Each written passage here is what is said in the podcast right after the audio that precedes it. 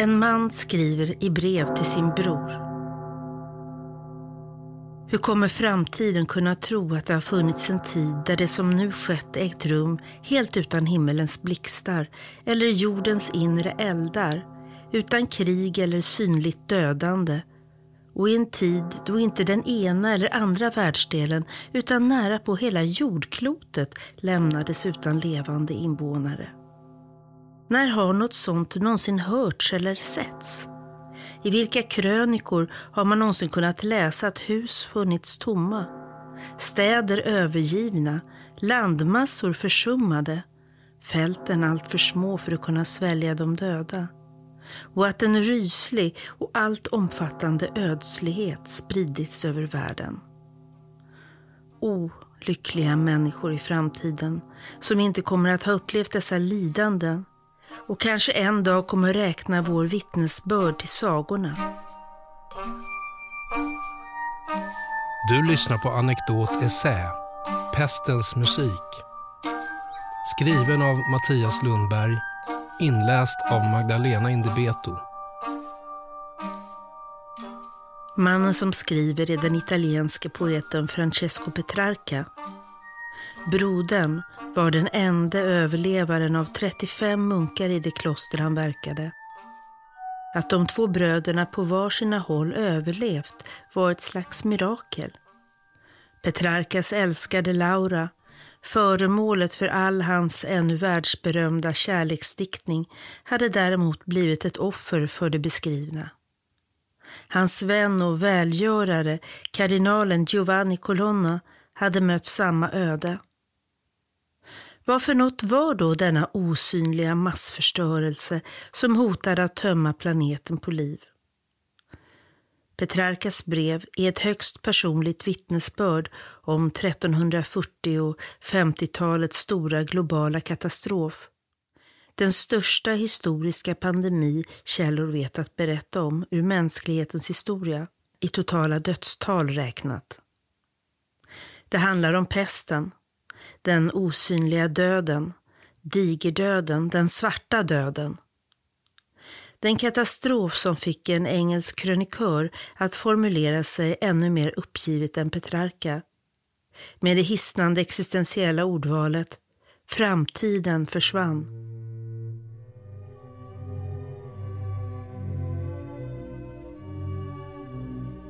Pesten utraderade på mindre än ett decennium någonstans mellan en tredjedel och drygt hälften av Europas och Asiens befolkning.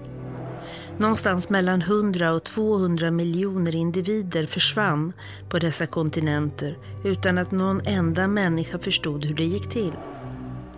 Ingen kunde förklara hur sjukdomen överfördes och varför det som till synes varken förr eller senare kunnat ske nu verkligen skedde och var helt ostoppbart. Utbredningen var så obeveklig och vida omvittnad genom brevförsändelser, historier och sånger att hela länder och städer inte kunde annat än passivt vänta medan en säker död närmade sig kilometer för kilometer.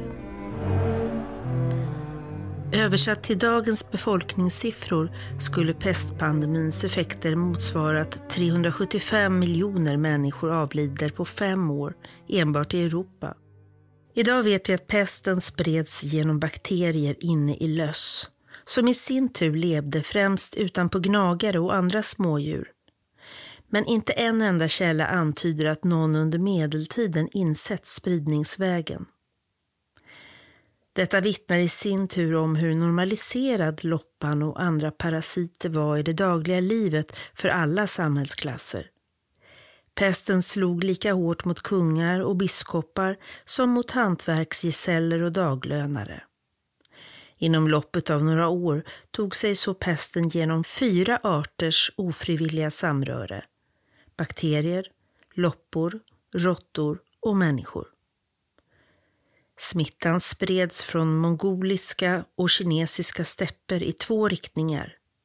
Men till sist dödade sjukdomen lika obevekligt ända borta vid Kinas sydöstkust som uppe i Nordnorge.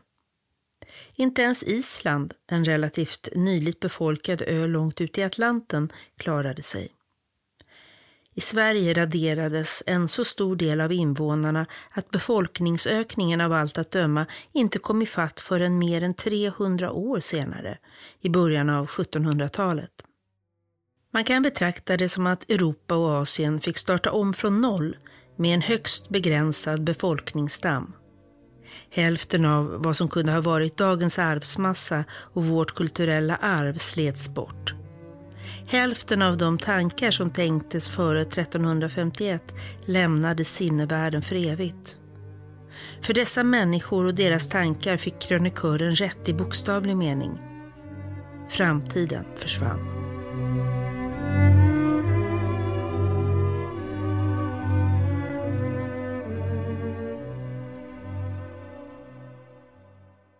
Pestens tid har möjligen betytt mer för västerländskt samhällsliv och kultur än någon annan enskild händelse.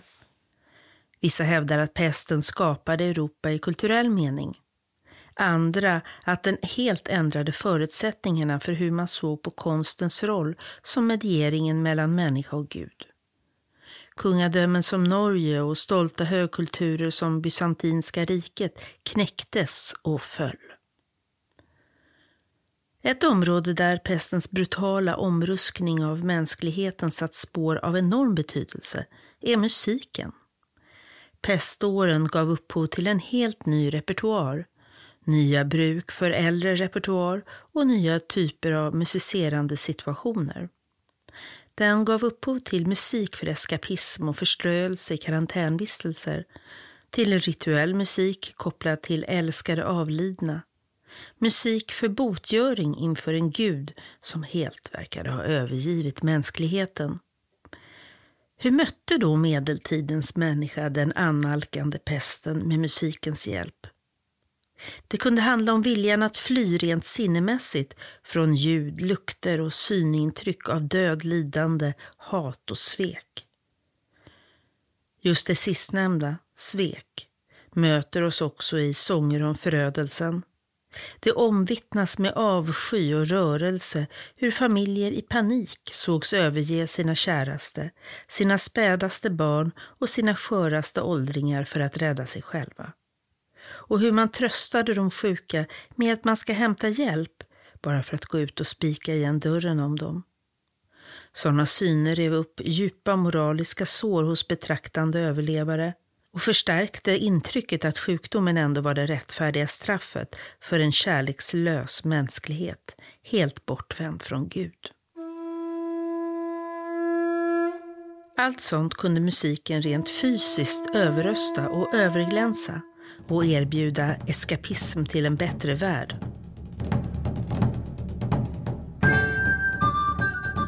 Så förstår faktiskt forskningen idag det plötsliga uppsvinget för musik till hövisk kärleksdiktning och världsliga danser i hög musikalisk idealiserande stil mitt under präståren. Detta är den typen av musik som beskrivs i Boccaccios novellsamling Decamerone. Varje av narrativets tio dagar avslutas med att det sällskap som dragit sig undan stadens pest i lantlig karantän musicerar tillsammans. I tryckta 1400-talsutgåvor av novellsamlingar avbildas de sju kvinnor och tre männen sittande som en modern tidig musikensemble i halvcirkelform med instrument i händerna samt sjungande strupar och tungor.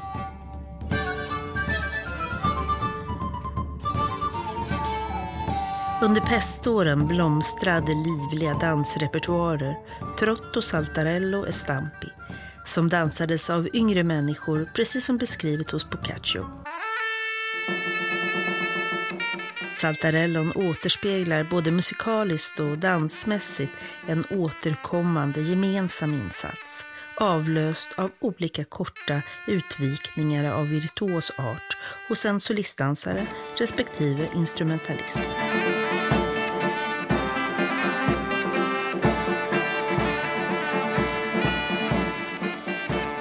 Dessa danstyper var lika seglivade som pesten och dröjde kvar, i kraftigt men gradvis förändrad form, i den västerländska musiken under mer än 200 år. Men det saknades inte moralisk indignation över fenomenet att unga och välbesuttna undflydde stadens pesthärdar och i vackra kläder dansade och sjöng till smittan gått förbi och halverat den övriga befolkningen. En uppgift från ett pestlasarett i Norditalien belyser detta. Några karantänintagna och smittade trotsade uttalat förbud, dansade och sjöng i natten. En broder Andrea på lasarettet upprördes och hämtade kroppen av en äldre pestdöd kvinna. Det sägs att han vräkte upp det av förruttnelse sönderfallande liket på sina axlar och sa på bräskiga dialekt. Du tysta gamla flicka, nu ska vi gå på dans. Broder Andrea kastade sedan in kroppen i mitten av de unga dansande och musicerande med orden Låt även henne dansa. Hur är det verkligen möjligt att ni här nu vanärar och förolämpar Gud när er egen död är så nära? Källan avslutar lakoniskt. Dansen och sången upphörde då. Musik var allt sedan tidig medeltid kommunikationskanalen mellan de levande, de döda och de transcendentala, de som höjde sig över denna värld. Man sjöng minst lika mycket för förfäder, helgon, änglar och Gud som för de vid given tidpunkt levande medmänniskorna. Det mest centrala temat i musik om pesten är den som vänder sig direkt till Gud Fader, till Jesus Kristus eller till den heliga modern Maria. Ett fascinerande exempel är Mariahymnen Stella Coeli Extirpavit. Den är tillkommen vid tidpunkten för ett pestutbrott och besjunger Maria som en jordbrukare vilken sliter upp rötterna för det ogräs syndafallet en gång låtit slå rot. Det ogräs som nu yttrat sig som pesten. Himmelens stjärna som ammade Herren och drog upp rötterna för den pest som mänsklighetens första fader planterade.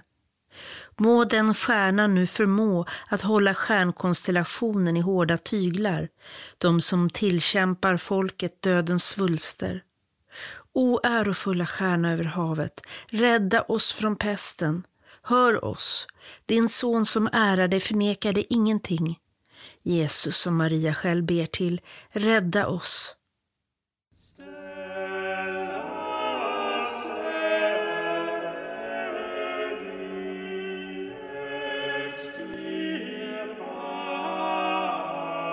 En av de som komponerade en flerstämmig sättning av hymnen var engelsmannen John Coke. Och hans tonsättning har överlevt i den vackert kalligraferade Old Hall-handskriften från 1400-talets första decennium.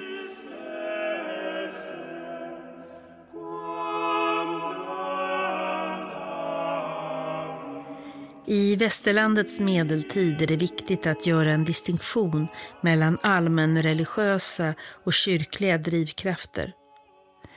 Det var till exempel inte alls bara kyrkan som med musiken som kanal sökte kontakt med Gud för att stoppa pesten. Till pestårens samhällsbild såväl på landet som i städerna hörde grupper av disciplinati, flagellanter och gisslare. Dessa rörelser formligen exploderade under året 1349. De framförde ett lika radikalt som pessimistiskt budskap. Att jorden och mänskligheten inte på något sätt kunde räddas och att de dagar som återstod näppeligen räckte till att späka köttet, göra bot och bära sitt kors. Ändå var det den lösningen som bjöds ur deras sjungande strupar. Detta var en folklig sekterism av mer extrem art, men till den anslöt även radikaliserade ståndspersoner. Flagellanterna späkte sig med svår fasta, armod och piskade sig blodiga med gissel. Deras enkla sånger vann snabbt spridning. Genom gisslargrupperna bidrog pesten till att utmana både kyrkans och den medicinska vetenskapens företrädare att varken livläkare, kirurger, präster eller munkar hade kunnat stoppa den död som bredde ut sig gav en ny auktoritet åt dessa disciplinati. Man skulle kunna kalla dem andliga populister. Gisslarnas sångrepertoar är ett unikt vittnesbörd till hur många tänkte och agerade inför pandemin. Att vi vet så mycket som vi idag gör om gisslarsångarnas musik kan vi tacka en viss Hugo Spetschart av Reutlingen för. Denne präst och musikteoretiker observerade flagellanterna under en längre tid. Hugo beskriver att pestflagellanterna hade helt olika sångrepertoarer vid sina långväga förflyttningar och vid sina offentliga självspäkningsceremonier. De vandrade över stora landområden där pesten drog fram och försökte inte dra sig undan till de mindre pandemiska skogarna och åkrarna. Tvärtom gick de rakt in i städer där pesten rasade som mest och dog följaktligen i stora antal själva. Den mest omvittnade sången i dessa besynnerliga massrörelser är ”Nurtret harso der Bussenwille med en text som på folkspråk instruerar hur man kan ansluta sig till de vandrande gisslarna. Hugo av Reutlingen berättar att medlemmar med speciellt starka och outtröttliga röster utvaldes att vara försångare men att samtliga anslutna instämde i en kraftig, obeveklig sång. Så träd in här ni som önskar göra bot, så undfly vid det heta helvete. Lucifer är en ond gestalt och så vidare. Typiskt för 1300-talets kulturella sinnelag är att det redan 1349 det år då flest gisslare vandrade genom Europa kan beläggas satirvarianter av deras sånger. Melodier och texter parodieras på ett sätt som visar att de inte togs på större allvar än de som hamstrat toalettpapper och konservmat under covid-19-pandemin 2020.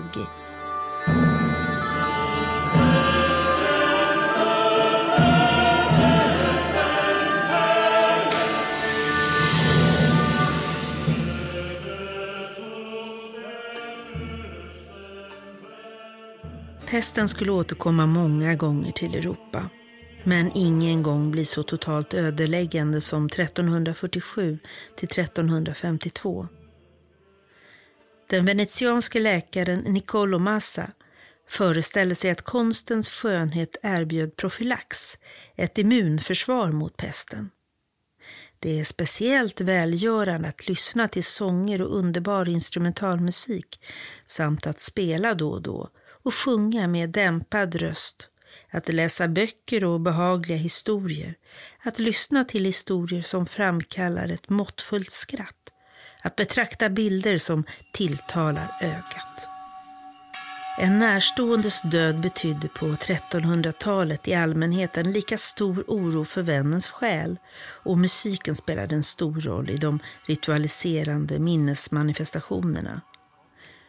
De kvarlevande skulle minnas den avlidne som person, framförallt för att kunna be och sjunga för den döde.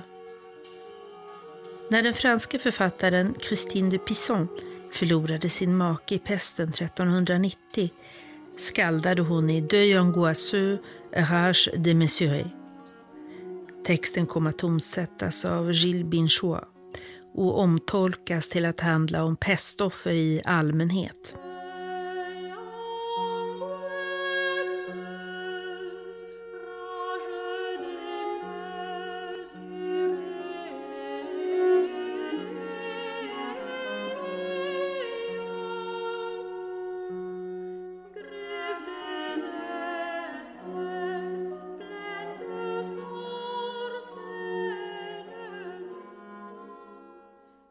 Musikens koppling till kosmiska förhållanden, de planeter och stjärnor som alstrade sfärernas harmoni, var under senmedeltiden inte utan betydelse i försök att förstå sjukdomens orsaker. Nycklar till pestens kraft söktes i både yttersta orsaker som stod att finna i Guds plan med sin skapelse, högre orsaker som söktes i stjärnors ställning och teorier om geologiska förändringar, samt i lägre orsaker som rörde hur sjukdomen spreds över jorden och smittade mellan människor. Musiken och konsten riktades nu med all mänsklig skaparkraft för att påverka dessa orsaker nerifrån och upp. Det ledde till en kraftig ökning i kulturen kring vissa helgon. En sån var Sankt Sebastian, som uppfattades ha räddat hela Lombardiet från smittan. En sång som vann enorm spridning i Sebastianfromheten är O Beate Sebastian. Som så ofta under senmedeltiden kom den i omlopp även bland de ej latintalande eftersom melodin var lika tillgänglig till alla oavsett språk.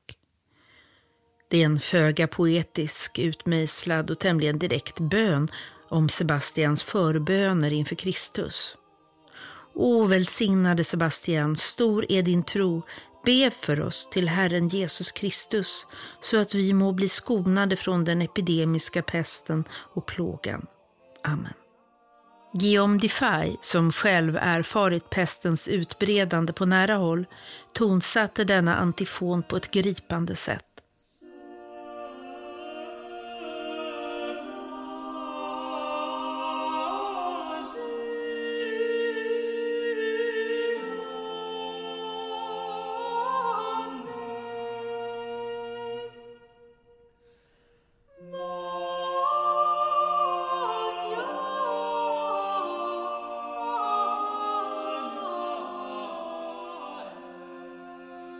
Drivkraften bakom den musikaliska skönheten må upplevas sinnligt men är helt avsedd att högst konkret röra helgonet och Kristus för mänsklighetens svåra situation.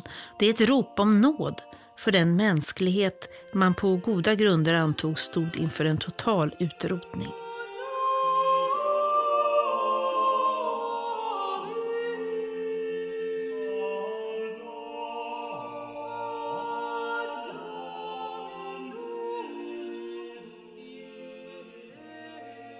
Ett mysterium med den stora pestvågen på 1340-talet var att delar av Böhmen, däribland metropolen Prag och stora stråk av Polen mirakulöst skonades när farsoten annars insvepte hela europeiska kontinenten i sin dödsmantel. Dessa pestens vita fläckar kan ännu idag inte riktigt förklaras av den historiska medicinforskningen. Men i vissa senare vågor drabbades nordöstra Europa desto hårdare. En av de idag mest kända lutherska koralerna, Valet will ich dir geben, är tillkommen 1613 under pestutbrott i Wurzwa, Fraustadt i västra Polen. Det är på lutherska områden vi på 1600-talet finner något av en pestmusikkultur. 1663 bröt ett större pestangrepp ut i Hamburg. Den virtuosa organisten Mattias Weckman lyckades klara sig från de dödliga loppetten. Han skrev då en musikalisk dialog där en sopran och basröst reflekterar över förgängligheten.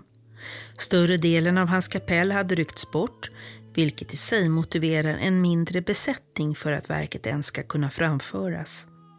Men det rör sig här inte om det vanliga mediterandet över materians förgänglighet, utan om en för pesten speciell typ av förgänglighet där mark, träd, hus, gator och allt annat som saknar anda och liv består, till synes helt orört, medan människorna rycks bort ur världen. Musiken och texten i Beckmans Velikt der Stadt so wüste, Varför ligger staden så övergiven? Uttrycker med bitter avsky den spöklika känslan då mänskligheten slagits ner av ett osynligt våld. Ett våld som dödar kroppar utan att skada det rent materiella. Detta var inte lätt att acceptera för en lutheran år 1663. Materien var ju det som enligt lära och tradition ska förgås först. Profetens ord om sitt Israel handlar nu i Beckmans duokantat om den stolta handelsstaden Hamburg. Ack övergiven ligger hon, den förr så folkrika staden. En änka liknar hon, hon som var främst bland folken. Drottningen bland länder gör nu trältjänst, hon gråter bittert i natten, kinden är våt av tårar. Bland alla hennes vänner finns ingen som ger henne tröst. I många fall kan sånger från svunna tidsåldrar ge oss en möjlighet att förstå oss själva genom att se hur människor tänkt och musicerat i situationer som påminner om våra villkor idag. Med pestårens musik är det annorlunda. Dagens pandemier kan inte jämföras med pesten, varken vad gäller dess dödstal, skadeverkningar eller samhällsomdanande kraft.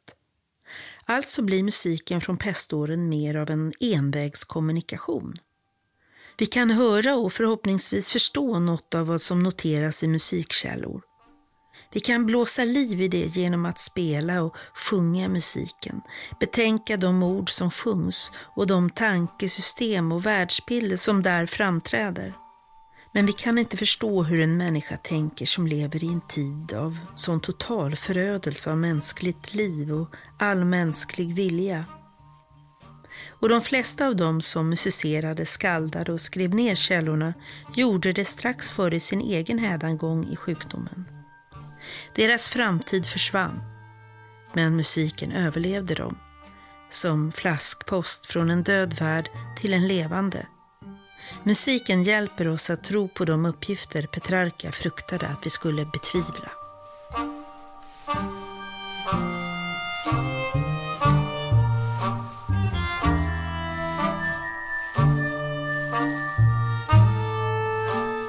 Du har lyssnat på Anekdot Essä, en del av bildningsmagasinet Anekdot. Musik Oskar Schönning, regi Lars Indebeto, producent Magnus Bremmer. Fler essäer, poddar och filmer hittar du på anekdot.se.